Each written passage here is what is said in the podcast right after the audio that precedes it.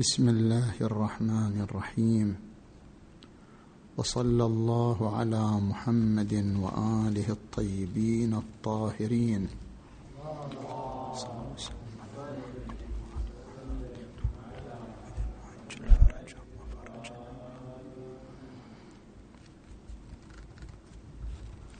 بعد أن تعرضنا إلى حقيقة الوحي وضرورة الوحي. نتعرض إلى تيار فكري منتشر في المجتمع الإنساني ألا وهو تيار الربوبية. المذهب الربوبي الذي ينكر حاجة الإنسان إلى الأنبياء. يقوم المذهب الربوبي على عدة ركائز. هو يؤمن بوجود خالق.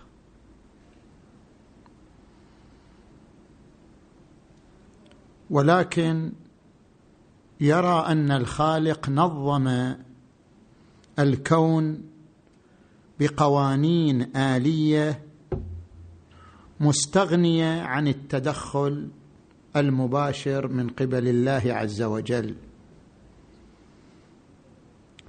نظير من يصنع الساعة ثم يتركها تعمل بنظام آلي تسير عليه دون حاجة لتدخل الصانع في عمل الساعة. الركيزة الثانية أن الربوبيين يختلفون عن الإلهيين أو المتدينين في أنهم ينكرون الوحي. ويعارضون الأديان. ويرون أن الخالق لم يتواصل مع أحد من البشر.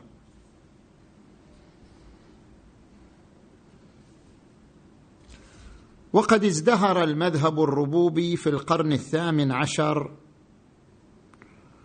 وجل رموزه الفكرية كانوا في هذا القرن مثل فولتير وتوماس باين. وقد غلب على مقالاتهم الدعوة إلى تعويض الوحي بمنتجات العقل البشري.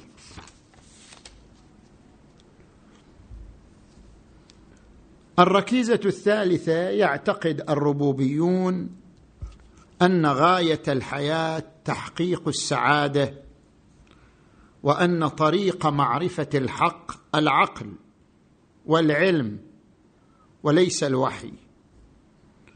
وإذا التزم الإنسان بالأخلاق التي يهديه إليها عقله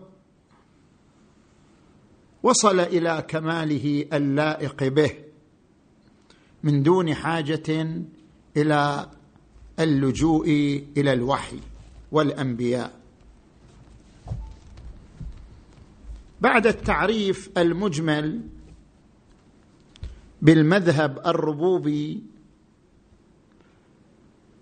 نتناول المذهب الربوبي من خلال عدة محاور.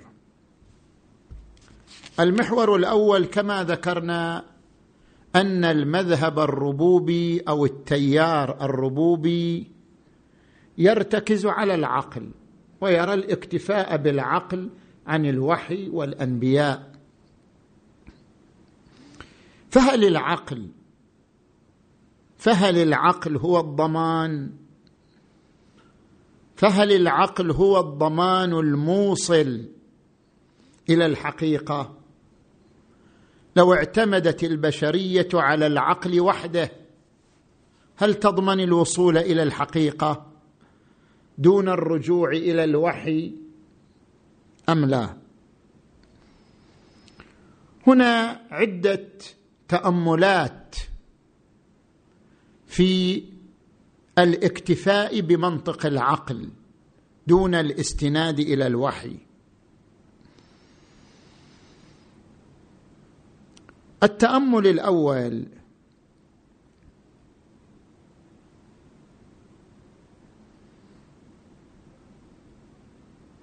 هل هناك قطع ويقين من قبل الربوبي بأن لا مصدر للحقيقة إلا العقل. هل يستطيع الربوبي أن يغرس هذا اليقين بأن هناك يقينا وجزما وقطعا بأن لا مصدر للحقيقة إلا العقل ولا يوجد مصدر آخر؟ لا شك بأن الربوبي لا يمتلك هذا اليقين. هو قد يقول أنا يكفيني العقل ولكنه لا يستطيع أن يبرز يقينا بانحصار طريق الوصول إلى الحقيقة في العقل وأن لا يوجد طريق آخر. اذا احتمال وجود طريق آخر للوصول إلى الحقيقة غير العقل ما زال هذا الاحتمال مفتوحا. حتى الربوبي إذا راجع إنصافه ونفسه لا يستطيع أن ينكر هناك احتمال أن هناك طريقا آخر يوصل إلى الحقيقة غير العقل. وإن كان هو لم يهتدي لهذا الطريق أو لم يذعن لهذا الطريق لكنه ما زال يحتمل احتمالا واضحا أن هناك طريقا آخر للوصول إلى الحقيقة ألا وهو الوحي مثلا. نجي إلى التأمل الثاني. لو سلمنا بمرجعية العقل العقل هو المرجع في الوصول إلى الحقيقة. هل العقل مضمون؟ هل العقل معصوم عن الوقوع في الخطأ أثناء محاولة الوصول إلى الحقيقة؟ هل يستطيع أحد من البشر كلهم أن يتيقن أن العقل معصوم؟ وأنه ضمان للوصول إلى الحقيقة؟ ابدا. هذه القوانين المختلفة التي يكذب بعضها بعضا وهذه الاتجاهات الفلسفية المتنوعة لدى المجتمع البشري كلها تؤكد أن مسيرة أو أن ركيزة العقل ليست ضمانا تاما مسلما للوصول إلى الحقيقة وبالتالي فينفتح المجال أنه أمام أخطاء العقل.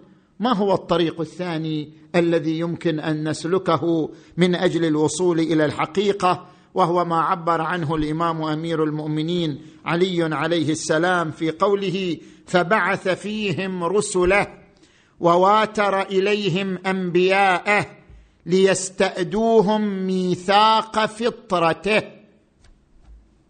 يستثير فطرة الإنسان.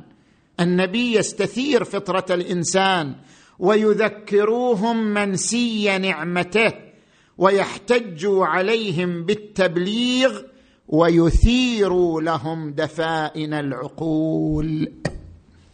ربما أنت تمتلك عقلا لكن هذا العقل فيه كنوز مختزنة لا تستطيع أن تستغلها وحدك. ولا تستطيع أن تستثمرها وحدك.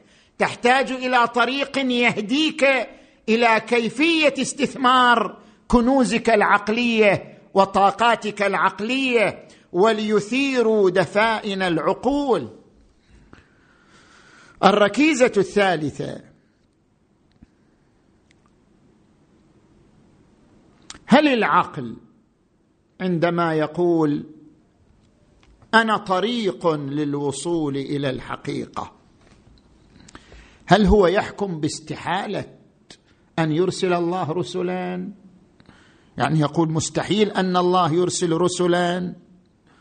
أو يقول لا حاجة لنا إلى الرسل. أو يقول لم يثبت لدينا أننا محتاجون إلى الرسل. فشوفوا ثلاث ثلاث دعاوى. للربوبي. تارة يقول الربوبي مستحيل أن الله يرسل رسل وأنبياء. وهذا ما سيأتي البرهنة على خلافه. تارة يقول الربوبي ممكن أن يرسل الله رسل وأنبياء لكن البشرية لا تحتاج إليهم. وهذا ما سيأتي البرهنة على خلافه. وتارة يقول لا ممكن أن الله يرسل رسلا. ممكن أن البشرية تحتاج إلى الرسل والانبياء لكن لم يثبت لدي إلى الآن أن الله أرسل رسلا وأنبياء إلى المجتمع البشري كي يقودوا المجتمع البشري إلى الهداية. اذا المذهب الربوبي يتصور له ثلاثة أقوال وثلاث دعاوى. ولذلك يأتي الكلام عن هذه الدعاوى بشكل تفصيلي. بالنسبة إلى الدعوة الأولى أن يقول الربوبي مستحيل أن الله يرسل رسلا. لماذا مستحيل؟ كل شيء إنما يكون مستحيل إذا كان وجوده مستلزما لاجتماع النقيضين. أو كان وجوده خلف مبدأ العلية يعني معلول بلا علة. أما إذا كان وجود شيء لا يستلزم اجتماع نقيضين ولا يكون نقضا لمبدأ السببية والعلية فلا وجه لاستحالته. يظل امرا ممكنا.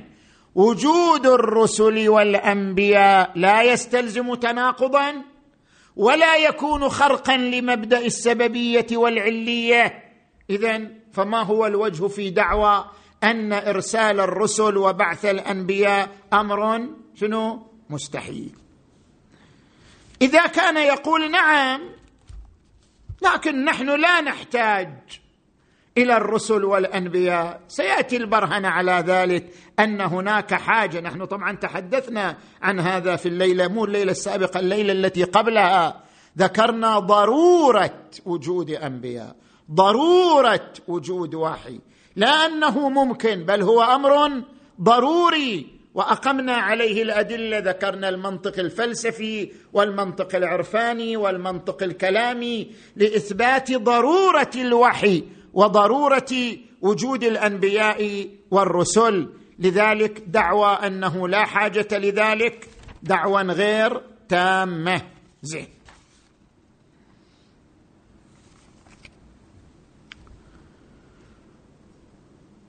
التأمل الرابع أن العقل يرفض المعجزة. يدعي بعض الربوبيين أن عقولنا لا تقبل شيء اسمه معجزة.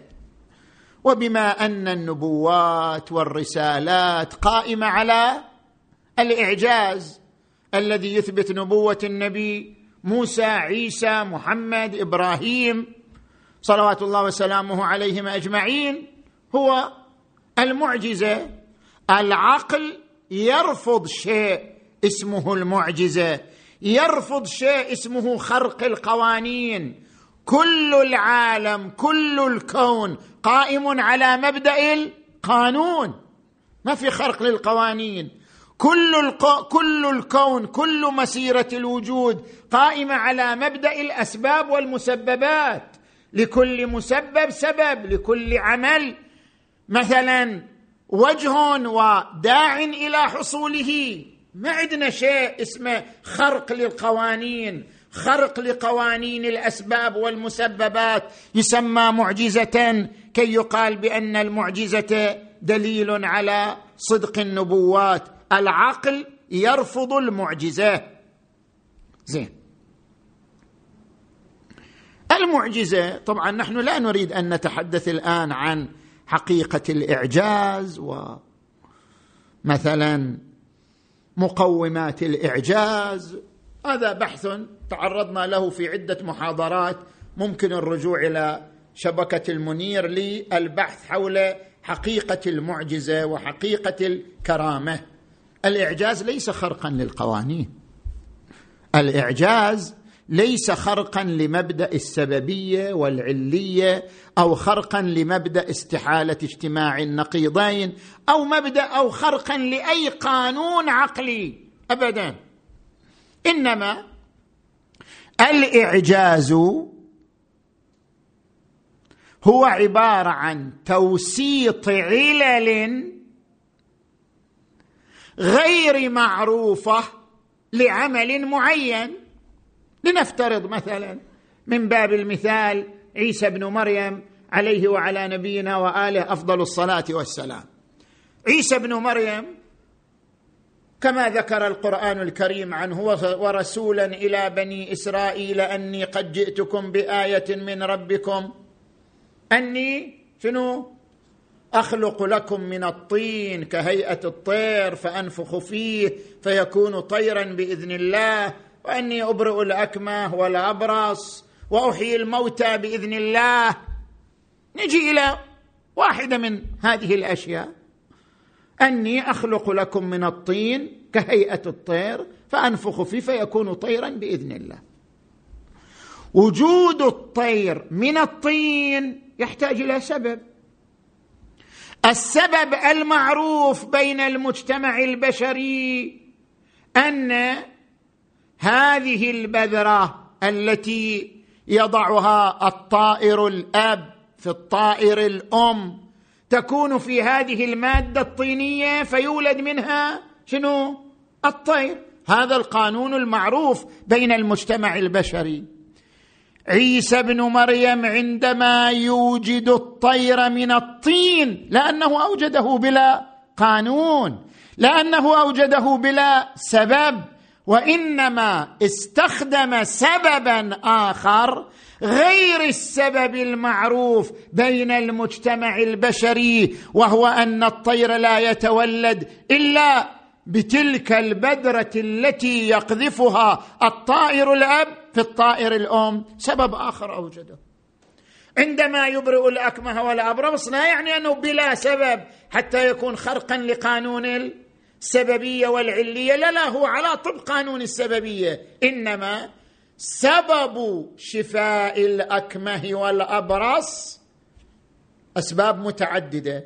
الاسباب المعروفة لم يستخدم سببا منها. استخدم سببا خفيا بعلمه الذي أفاضه الله عليه ونتيجة ذلك أنه أبرأ الأكمه والأبرص. الإعجاز ليس خرقا. للقانون العقلي. الإعجاز ليس ضربا لقانون السببية وإيجاد شيء بلا سبب.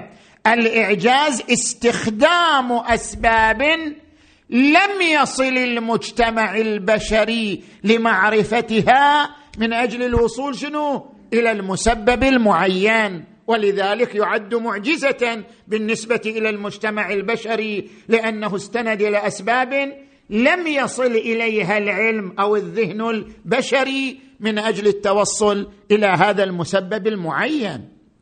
لذلك لا معنى لأن يقال العقل يرفض الإعجاز. ليش؟ لأن الإعجاز خرق خرق للقوانين والأسباب. فكيف يقبله العقل؟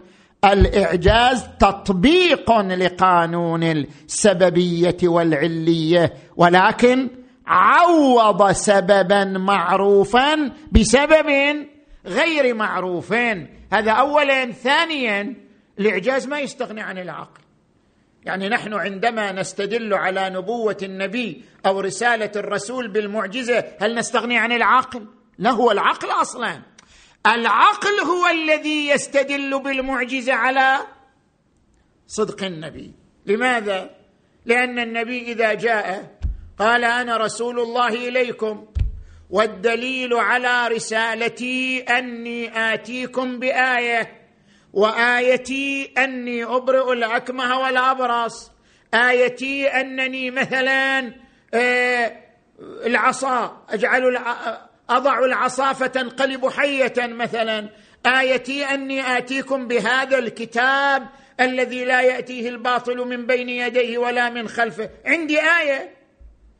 إذا جاء وادعى أنه رسول وقال معجزتي كذا والله تبارك وتعالى يعلم أن هذا الشخص قاعد يدعي النبوة وقاعد يقول أن لديه آية. إعطاء الله المعجزة بيد هذا الشخص دليل على تصديق الله إياه لأنه يقبح من الحكيم إعطاء المعجزة بيد الشخص الكاذب لأن إعطاء المعجزة بيد الشخص الكاذب إضلال للبشرية وإبعادهم عن الهدف من خلقتهم وهو وصولهم إلى الله تبارك وتعالى. إضلال البشرية نقض للهدف الإلهي ونقض للهدف الإلهي ونقض الهدف الإلهي قبيح. اذا لا يصدر من الله أن يعطي المعجزة يد إنسان كاذب. فلا محاله إعطاء المعجزة بيد أي شخص دليل على صدقه أن الله صدقه وأمضى دعواه زين وطبعا ذكرنا في الليلة الأولى أو الثانية تطبيق دليل حساب الاحتمالات على الاستدلال بالمعجزة على نبوة النبي وقلنا راجعوا كتاب المرسل الرسول الرسالة للسيد الشهيد السيد محمد باقر الصدر قدس سره. في ذلك الكتاب طبق دليل حساب الاحتمالات لإثبات الانتقال من المعجزة إلى إثبات نبوة النبي خصوصا النبي محمد صلى الله عليه وآله.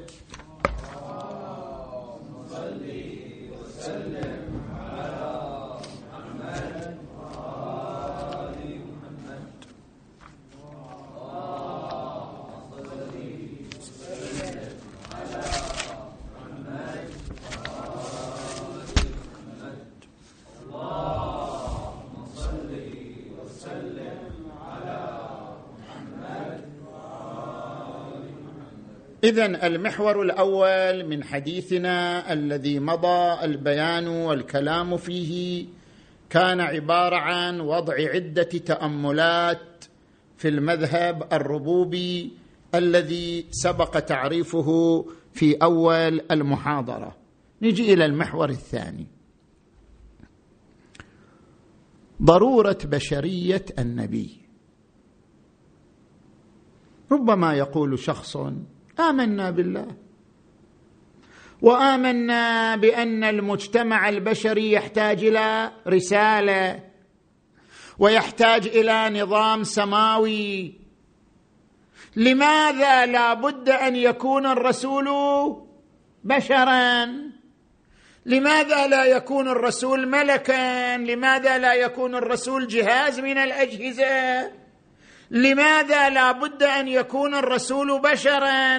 ما هي ضرورة بشرية الرسول؟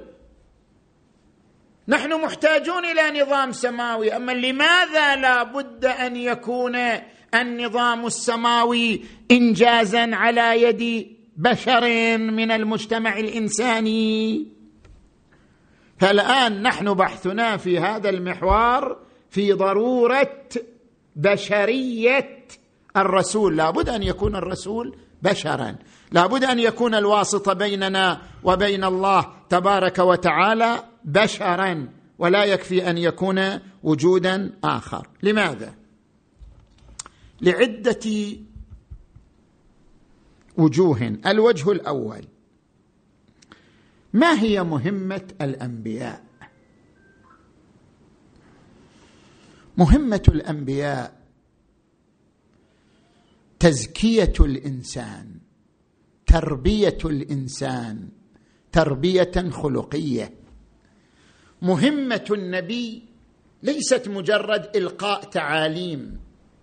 مهمة النبي ووظيفته أن يزرع في القلوب التي حوله مبادئ وقيم.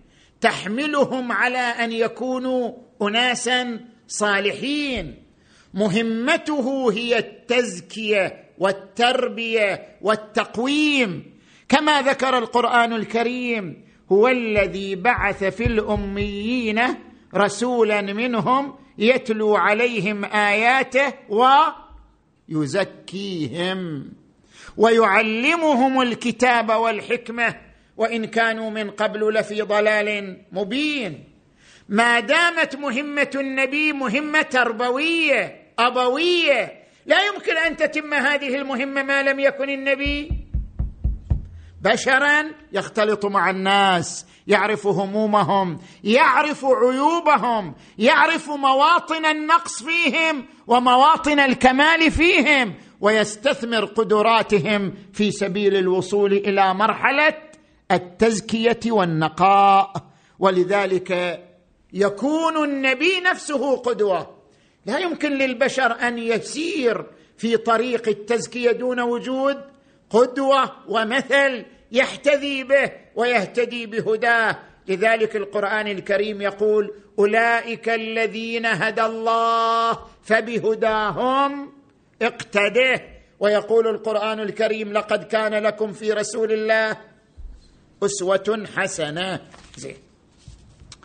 هذا الوجه الأول. الوجه الثاني ضرورة التسانخ بين الرسول والمرسل إليه. نحن مرسل إليه. ضرورة أن يكون الرسول من سنخنا من سنخ المجتمع البشري. لماذا؟ النبي كما يقال مو مجرد ساعي بريد يعني يوصل رسالة كتاب يوصل للمجتمع البشري. لو كان مجرد ساعي بريد ما يحتاج تنزل أجهزة من السماء توزع على الناس شنو؟ أوراق وتعاليم وأجهزة ويستخدموها الناس ومن خلالها يتعرفون على تعاليم السماء وقوانين السماء وانتهى. ولا حاجة إلى أكثر من ذلك. النبي ليس دوره دور ساعي البريد كي يستغنى عنه بأي جهاز آخر. وإنما لا يمكن هذا دين هذا مو مسألة يعني فيزيائية يتعلمها الإنسان من الجهاز وهذه مو مسألة رياضية يتعلمها الإنسان من خلال أي مصدر دين. ما معنى دين؟ الدين بمعنى أنه طريقة عبادية تفصيلية تحتاج إلى مراحل تدريجية تعتمد على لغة التواصل. خل أشبه هذا طريقة أخرى. هل ممكن أن يتعلم الطفل بجهاز يرسل إليه؟ طفل.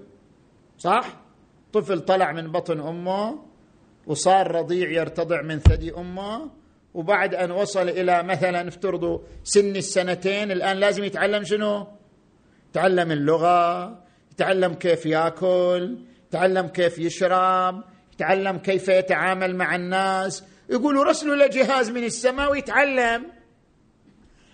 ليست المسألة معلومة المسألة مسيره عملية.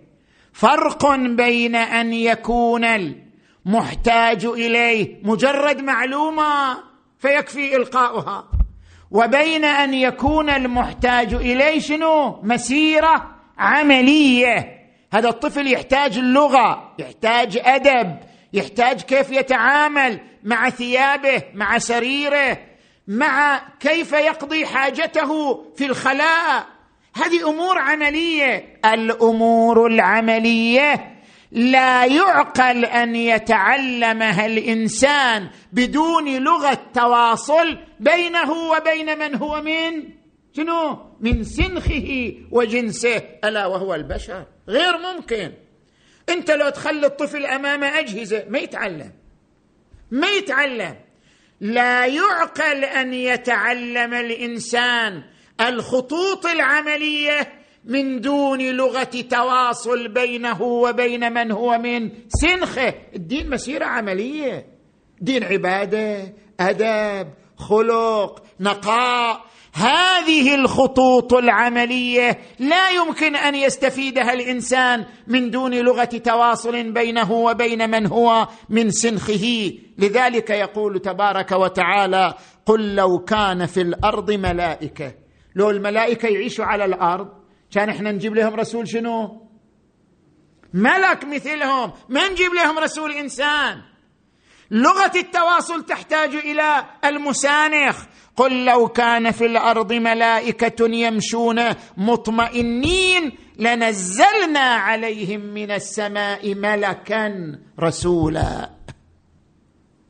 ولذلك يقول القرآن الكريم لقد جاءكم رسول من أنفسكم. عزيز عليه ما عنتم حريص عليكم بالمؤمنين رؤوف رحيم. الوجه الثالث في ضرورة أن يكون النبي بشرا. أن هذه كرامة للإنسان.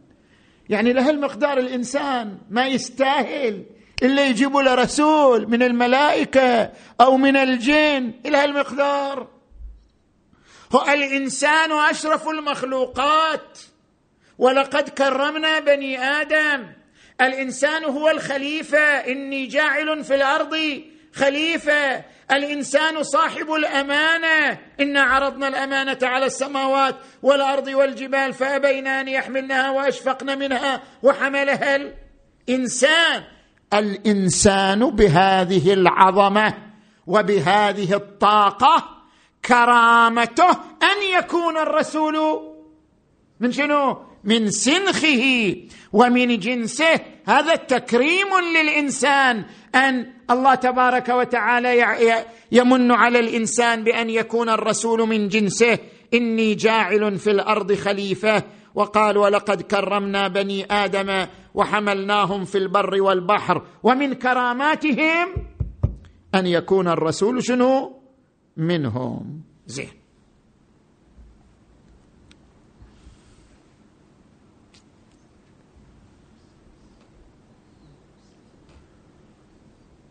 الوجه الرابع لضرورة أن يكون الرسول بشرا. طبيعة الاقتداء طبيعة التكامل الروحي تحتاج إلى أن يكون المقتدى به بشرا. لماذا؟ لأن الإنسان لو أرسل إليه رسول من الملائكة أو أرسل إليه رسول من الجن لقال إيه ده مو إنسان حتى يعيش إلا أنا أعيشه ويتعرض للي أنا أتعرض إليه. إنما صار رسولا ونزيها ونقيا لأنه ليس بإنسان. لكنه لو كان مثلي وعاش الصراع مع النفس الأمارة بالسوء وعاش الصراع مع الغرائز المتنوعة وعاش عوامل الانحراف المختلفة لانحرف وصار مثلي. يتعلل الإنسان. إنسان طبيعته يبحث عن الحجة ولذلك يقول لئلا يكون للناس على الله شنو؟ حجة بعد الرسل. دائما الإنسان يدور حجة دائما الإنسان يدور علة لإبراز نقصه وضعفه.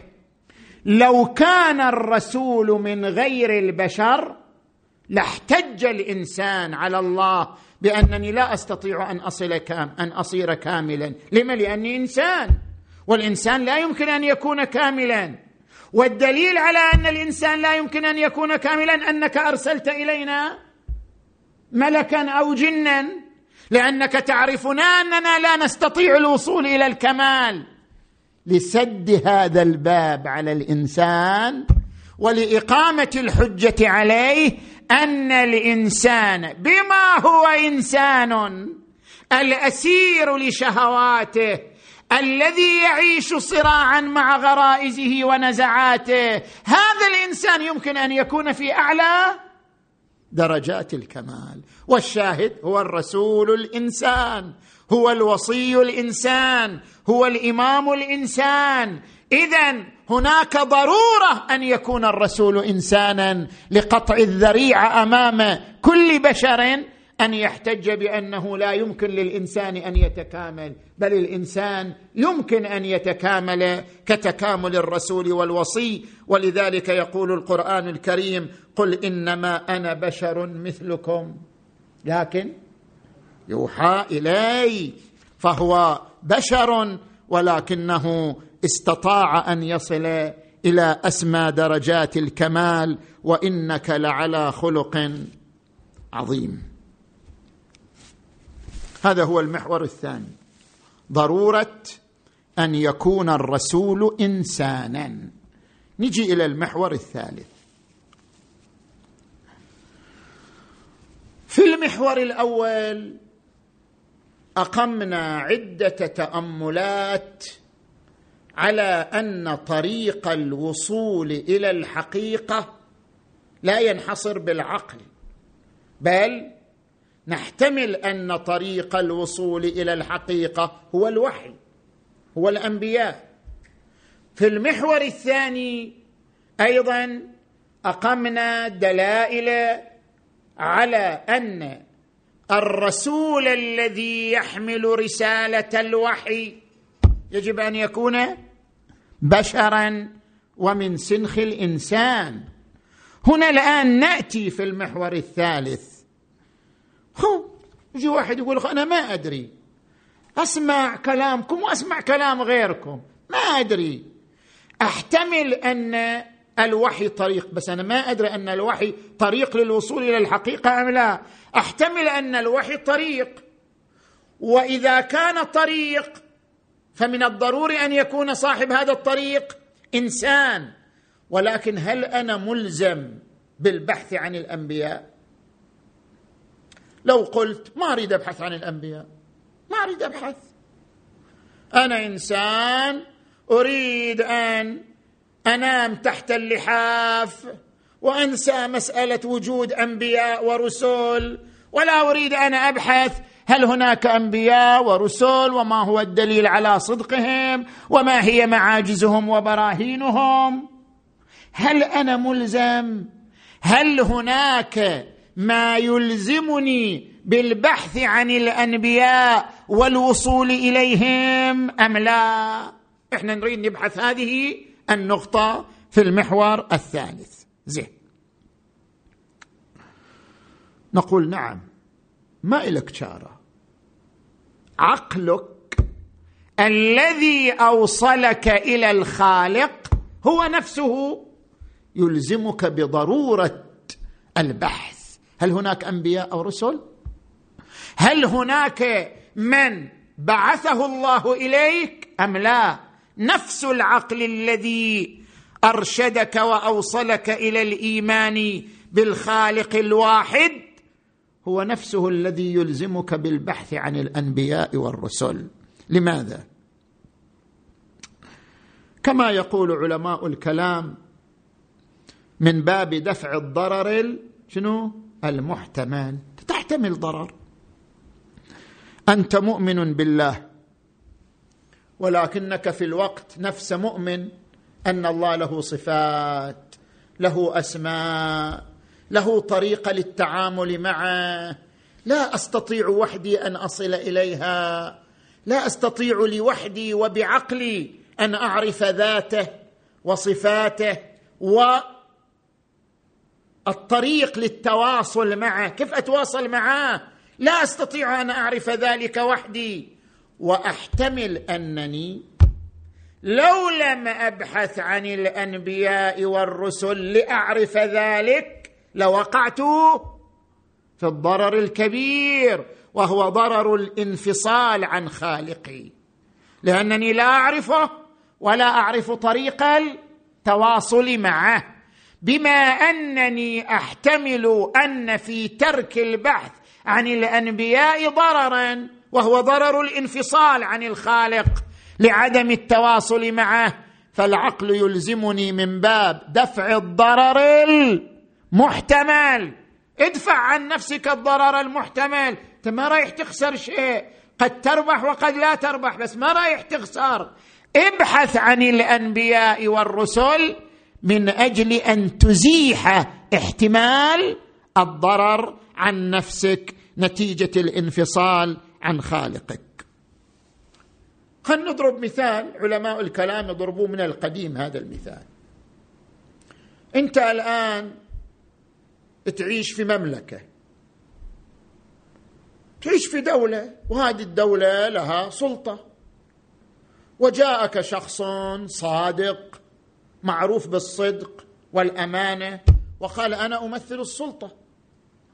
والسلطة كلفتني بإيصال رسالة إليكم. ماذا يقول الناس؟ ما عليكم منهم دخلوا بيوتكم سكوا الباب. يقولوا هالشكل؟ لو يقولوا لا. لو كان في الواقع هذا المرسل صادق يترتب علينا شنو؟ ضرر. لو كان هذا الشخص صادقا في الواقع سيترتب علينا ضرر بإهمال كلامه وقطع التواصل معه. فمن باب حكم العقل بلزوم دفع الضرر المحتمل علينا أن نبحث عن صدقه. والدلائل التي تدل على صدق كلامه إن كان كاذب اكتشفنا كذبه. إن كان صادق لم يترتب على اتباعنا له والأخذ برسالة أي ضررين. فمن باب حكم العقل بلزوم دفع الضرر المحتمل علينا أن نبحث عن هؤلاء الأنبياء والرسل. لذلك يقول الفيلسوف جورج سنتيانا عام 1863 ميلادي يقول أمامنا ظاهرة. تستدعي الالتفات وتستحق الاهتمام وهي أن الناس في كل مكان على ظهر هذه الأرض يدينون بدين من الأديان. فكيف نستطيع أن نفهم الإنسان إن كنا لا نفهم الأديان؟ بمعنى أن أقل أقل الفوائد أن الرجوع إلى الأديان هو فهم للإنسان. هذه أقل الفوائد. بالنتيجة هذه الأديان جاءت من قبل شنو؟ إنسان أيضا أقل الفوائد بالرجوع إلى الأديان فهم الإنسان. لأنه ما مر مجتمع. شوفوا لاحظوا هذا تاريخيا ثابت. لم تمر على البشرية فترة إلا وفيها دين. إلا وفيها دين. منذ يوم آدم إلى يومنا هذا ما مر على المجتمع البشري زمن إلا وفيه دين بمقدار معين. هذا يعني أن الدين ملازم للإنسانية. وأنه في كل جيل توجد إنسانية يوجد دين مما يكشف عن ترابط عضوي بين الدين وبين الإنسانية إذ لم يخلو جيل من وجود دين وبالتالي ترك التعرف على الأديان وإهمالها هو عبارة عن سد باب من أبواب التعرف على الإنسان نفسه. وعدم التعرف على الإنسان ولو من هذا الباب منشأ الاحتمال ضرر. لعلنا إذا لم نتعرف على الإنسان من خلال الأديان يترتب أضرار علينا في قيادة المجتمع وفي النهوض بحضارته وفي التواصل بين أفراده. لذلك أهم الفوائد التي من خلالها نحتاج إلى الاطلاع على الأديان ومعرفتها هي شنو؟ معرفة الإنسان التي من خلالها نتجاوز بعض الأضرار المحتملة. زين. هذا وجه الوجه الأول. وجه الثاني. تحليل مسار الأنبياء. واحد يقول لك طيب خلاص بروح أبحث شو تريد مني؟ من أجل دفع الضرر المحتمل سوف أبحث عن الأنبياء ورسالات الأنبياء. ولكن عندي مشكلتان تمنعني عن التصديق برسالات الأنبياء. المشكلة الأولى أحتمل أن النبوة مسألة مرضية. أو أحتمل أن النبوة أو دعوى النبوة أو دعوى الوحي هي من الكذب الأبيض.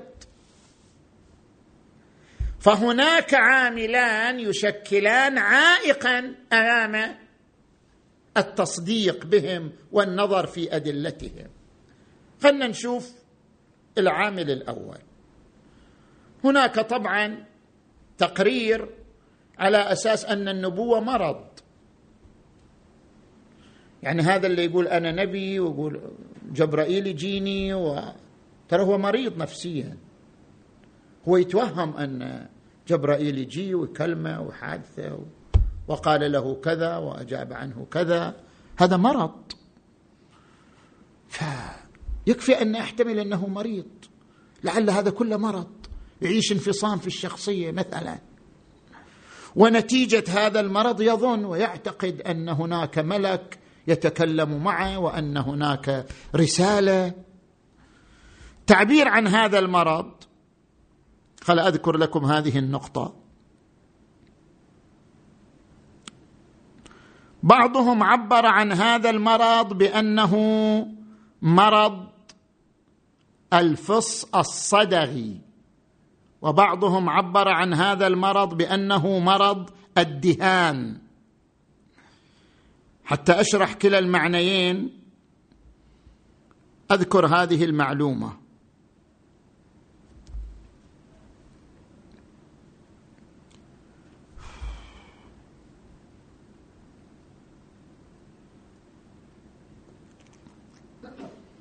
رحمكم الله.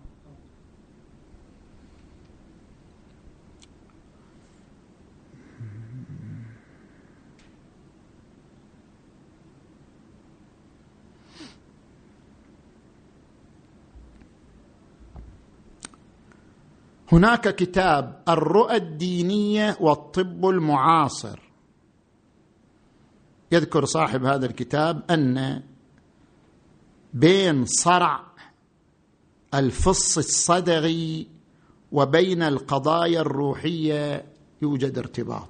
إلا عند هذا الصرع يصير عنده بروز في القضايا الروحية.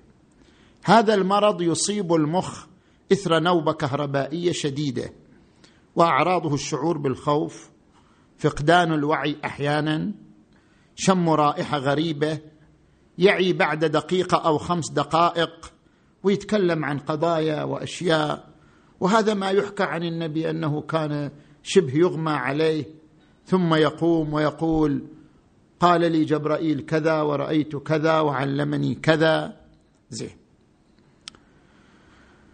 بروفيسور شاندران في جامعة كاليفورنيا كان يعالج مريضة اسمها جوين تاج عندما أنجبت طفلها كانت تعتقد أنها أنجبت المسيح عيسى ابن مريم. نتيجة تأثير صرع الفص الصدغي عليها. قام مجموعة من العلماء بدراسة 193 مريض بهذا المرض. وجدوا 24 من هؤلاء المرضى يتحدثون عن قضايا دينية. بعضهم يدعي الألوهية بعضهم يدعي النبوة نتيجة إصابتهم بهذا المرض. إلين وايت وهي أمريكية ادعت أنها تلقت ألفين رؤية من الإله. كما هي في القرآن؟ ستة آلاف نعم. إيه ستة آلاف ومائتين هذه قالت ألفين. عندها ألفين مثلا رؤية. وأحدثت طائفة في المسيحيين وماتت عام 1915 بالنتيجة بهذا الاستقراء قالوا إذا محتمل أن النبي مصاب بهذا المرض. يصيبه ويعي ثم يقول نزل علي جبرائيل وقال كذا ويقرأ القرآن. وإلى آخره. وهذا نفس ال... نفس الاتهام الذي طرحته الجاهلية. زين؟ ماذا قالوا؟ ساحر أو مجنون. زين. بعضهم عبر عن هذا المرض بأنه مرض الدهان. مو صرع الفص الصدغي لا هذا مرض الدهان. شلون يعني مرض الدهان؟ مرض الدهان من أكثر أنواعه شيوعا الفصام وأهم أعراضه الهلاوس. عندما يدعي المريض أنه يرى أشياء ويسمع أصوات ويشم روائح غير موجودة وأكثر هذه الهلاوس شيوعا الهلاوس السمعية بالنسبة لمريض الدهان فإن هذه الهلاوس حقيقية بالنسبة إليه مع أنه مريض. قد يكون النبوة من هذا القبيل. فمع وجود هذا الاحتمال أن الأنبياء ذولا مرضى كيف يتأتى لنا كعقلاء أن ننزل إلى مستوياتهم وأن نستمع إلى دعاواهم مع وجود احتمال أنهم يعيشون هذا المرض ألا وهو مرض الصرع صرع الفص الصدغي أو مرض الدهان وبالتالي هذا يعيق أمام الالتفات أو ال أو ال أو الإصغاء حتى لدعاواهم ومعرفة أدلتهم. زين. ما هو الجواب عن ذلك؟ الجواب عن ذلك اولا كل هذه النتائج وصلت عن استقراء شنو؟ ناقص. 24 حالة.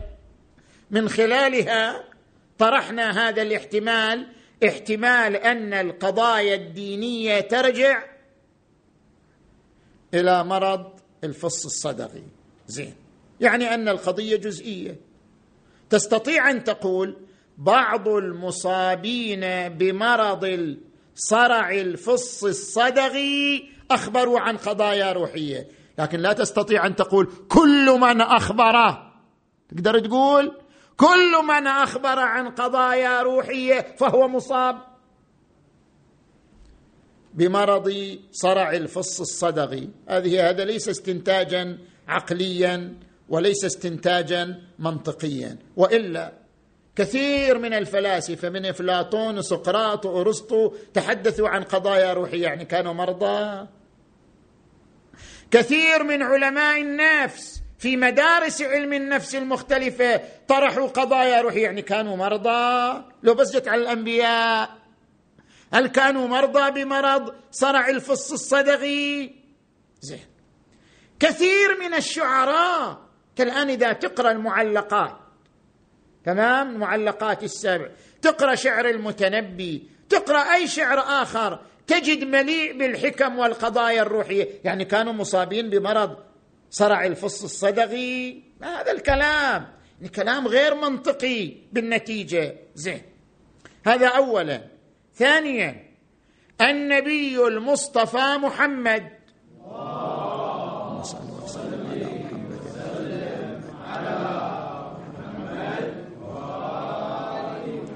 عاش ثلاثة وستين سنة صح؟ عاشره القريب والبعيد هل رأوا فيه مرضا؟ عاش بين قومه أربعين سنة لم يتكلم هل كان في مرض؟ كان يخالط الناس وصادق وأمين وكذا.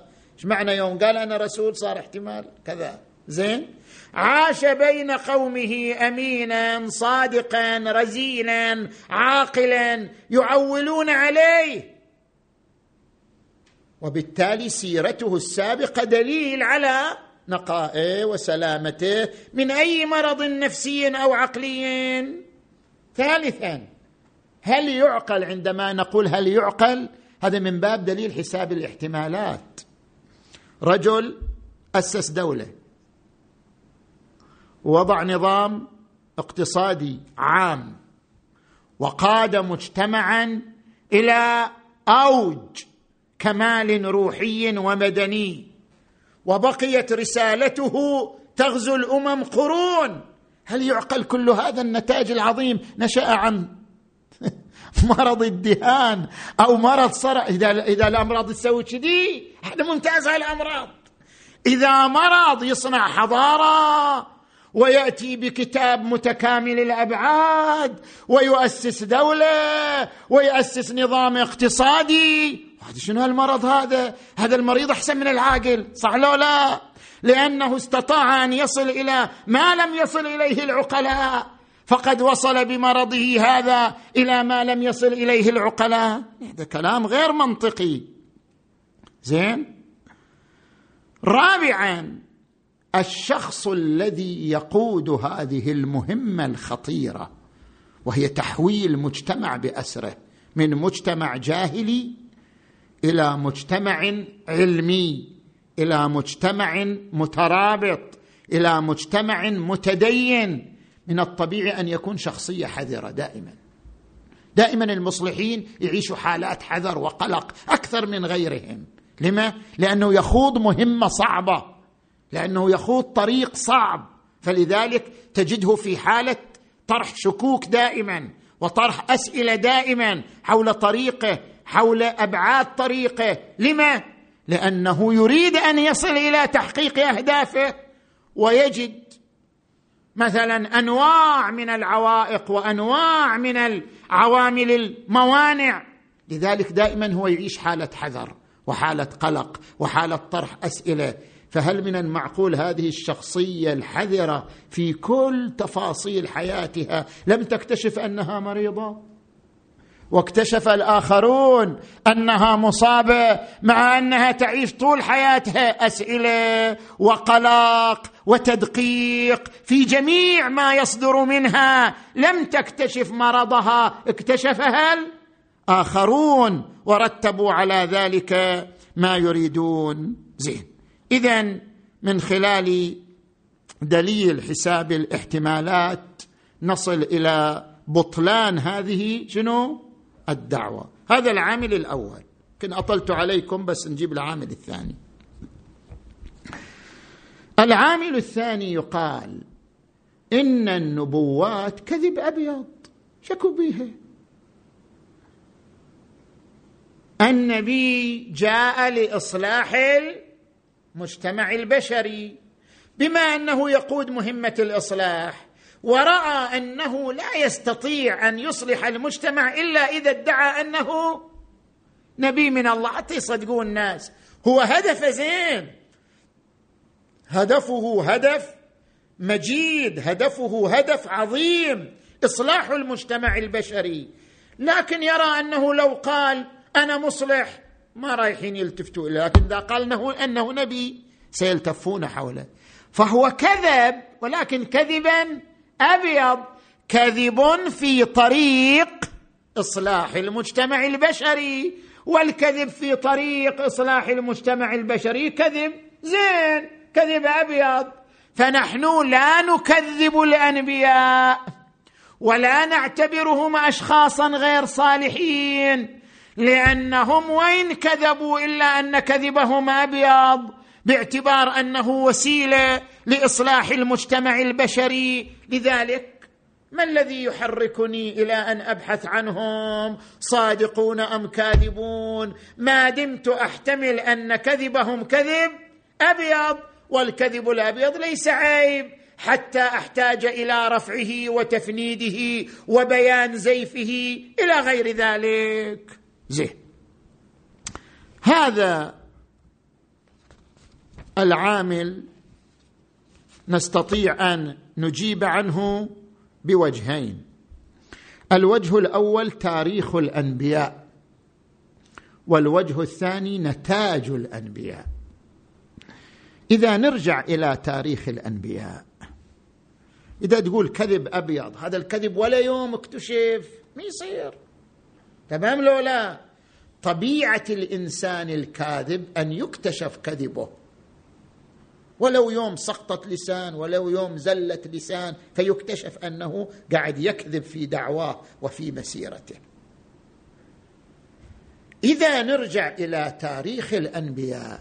تاريخ الأنبياء يمنع ورود هذا الاحتمال ألا وهو احتمال أنهم كذبوا كذبا أبيض من أجل تمرير رسالتهم الإصلاحية. لاحظوا النبي محمدا صلى الله عليه وآله. محمد وآل لبث في قومه أربعين سنة. عرف من خلالها بالصدق والأمانة حتى أسماه قومه بالصادق الأمين واستمر على هذا الخلق حتى بعد البعثة والنبوة. فكان يرفض استخدام الأساليب الكاذبة لتثبيت رسالته. حتى عندما لاحظوا هذا مثال مهم حتى عندما توفي ولده إبراهيم. صادف يوم وفاة ولده شنو؟ كسوف الشمس. فقال الناس كسفت الشمس حزنا على إبراهيم. إذا هو كذاب استغل هذه ممتازة يقول شوفوا عظمتي عند الله إن الشمس كسفت لموت ولدي فكيف بموتي فكيف بكذا؟ طبيعة الكاذب أن يستغل موارد النافع وموارد المصلحة حتى يصل إلى ما يريد. ولكن أبت نفسه استغلال ذلك. وخداع الناس. فصعد المنبر وخاطب المسلمين يا أيها الناس إن الشمس والقمر آيتان من آيات الله يجريان بأمره مطيعان له لا ينكسفان لموت أحد ولا لحياته. يعني ابى ان يستغل أي شيء حتى لو كان في شنو؟ في صالحه لكن ما دام هو أسلوب ملتوي تأبى نزاهته وصدقه أن يسلك هذا الأسلوب الملتوي. اذا تاريخ الأنبياء تاريخ صدق تاريخ نقاء تاريخ نزاهة تاريخهم يكشف عن أنه لم يستخدموا كذبا أبيض أو أسود في سبيل تمرير رسالتهم الإصلاحية. الوجه الثاني نتاج. كما ورد عن الإمام أمير المؤمنين علي عليه السلام قيمة كل امرئ ما يحسنه. انت تميز الناس من نتاجهم. الطبيب يتميز بنتاجه المهندس يتميز بنتاجه صاحب القانون يتميز بنتاجه. كل إنسان قيمته بغزارة نتاجه بقوة نتاجه يعرف من خلاله مستواه. هذا طبيعي. هذه هذا هو الطريق لتقويم الناس. كيف نقوم الطبيب ونقوم المهندس ونقوم الشاعر ونقوم المفكر؟ الطريق العقلاء لتقويم كل إنسان شنو بنتاجه قيمة كل امرئ ما يحسنه. فإذا رجعنا إلى نتاج الأنبياء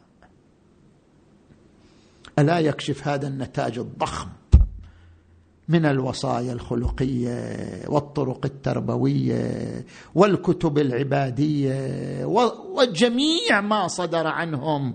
ألا يكشف هذا النتاج عن استقامتهم ونزاهتهم وإخلاصهم وأنهم لم يرتكبوا طريقا ملتويا في سبيل شنو؟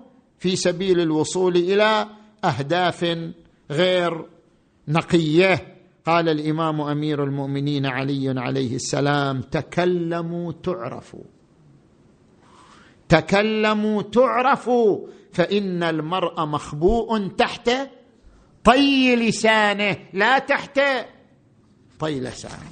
طبعا كان بودي أن أتم البحث حول المذهب الربوبي وذلك بالتعرض إلى الحجج التي احتج بها الربوبيون على إنكار نبوة الأنبياء ومناقشة هذه الحجج. ولكن إن شاء الله في الليلة القادمة نتم ذلك. طبعا هذا كتاب في كثير من المعلومات المفيدة حول نحن أضفنا إليه بعض المعلومات ولكن أيضا فيه كثير من المعلومات التي تفيد في مجال مناقشة المذهب الربوبي. الكتاب بعنوان عالم دون أنبياء.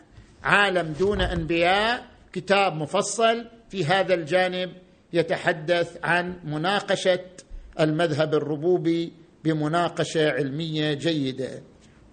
اللهم صل على محمد وآل محمد. اللهم اغفر ذنوبنا واستر عيوبنا وكفر عنا سيئاتنا وتوفنا مع الأبرار واجعلنا في هذا الشهر الشريف من عتقائك من جهنم وطلقائك من النار وسعداء خلقك بمغفرتك ورضوانك يا أرحم الراحمين. اللهم صل على محمد وآل محمد. اللهم كن لوليك الحجة ابن الحسن. صلواتك عليه وعلى آبائه في هذه الساعة وفي كل ساعة. وليا وحافظا وقائدا وناصرا ودليلا وعينا حتى تسكنه أرضك طوعا وتمتعه فيها طويلا.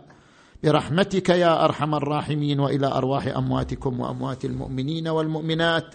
الفاتحة تسبقها الصلوات.